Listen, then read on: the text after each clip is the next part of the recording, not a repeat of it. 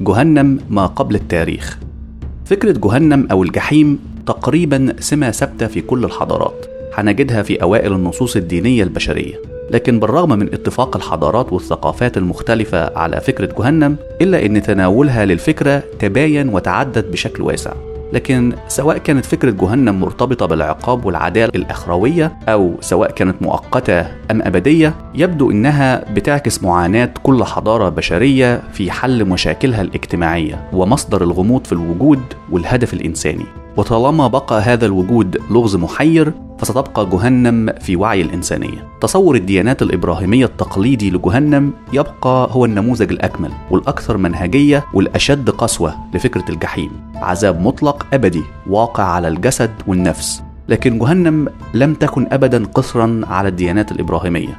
ممارسة تحنيط جثث الموتى من الممكن تتبع أثرها خمسين ألف سنة قبل الميلاد. مفيش شك إن كان في نوع من الاعتقاد في إن هناك حياة أخرى بعد الموت دفعت المجتمعات البدائية دي لتحنيط جثث موتاها. والأبحاث الأخيرة بتشير إلى إن غالبا فكرة ما بعد الموت لم ترتبط بفكرة الثواب والعقاب لكن بفكرة استمرارية أبدية للوجود.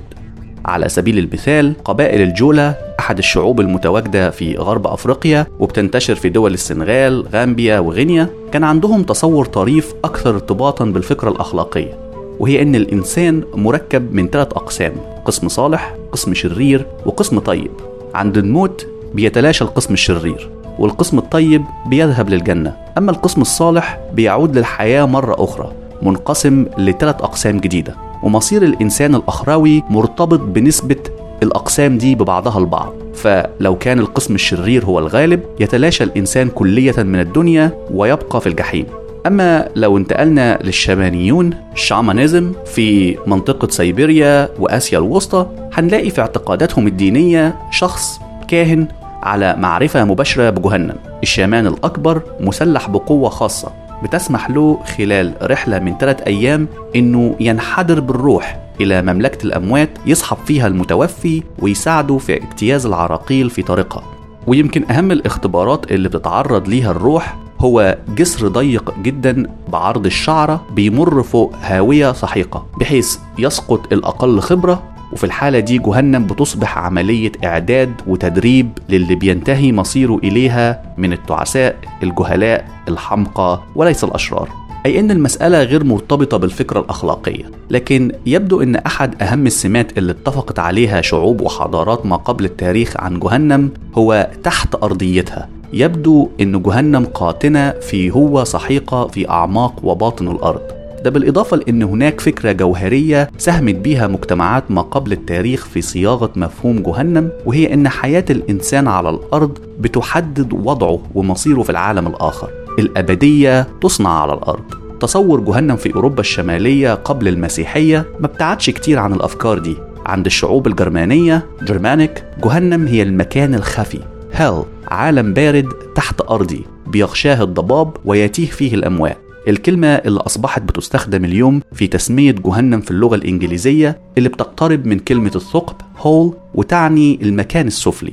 وعند الإسكندنافيين سكاندينافيانز الشعوب المحاربة الغاذية عن طريق البحر جهنم كانت مكان بعيد مقفول بيتم الوصول إليه بعد سفر بحري طويل محفوف بالمخاطر. الوظيفة الاجتماعية هي معيار مستقر النفس في الآخرة. فيصبح الفالهالا قصر فخم مقر المحاربين موتى المعارك الأرضية حيث يقيمون الحفلات الولائم في صحبة أودن كبير الآلهة. الملاحظ أن فكرة جهنم في مجتمعات ما قبل التاريخ بتصبغها تصورات جماعية لا يمكن فيها تصور حياة العالم الآخر إلا بصورة جماعية. الأمر النابع من بدائية المجتمعات الأولى وحالة العوز الاقتصادية على ما يبدو أصبحت عنصر ضروري لبقاء الأفراد اللي أثر على أفكار البقاء الأخروية أيضا وأدى ببعدها عن مفهوم العقاب وأصبحت جهنم مكان محايد بتتابع فيه الجماعة مشاغلها الأرضية في محيط مظلم وكئيب تحت أرضي عادة.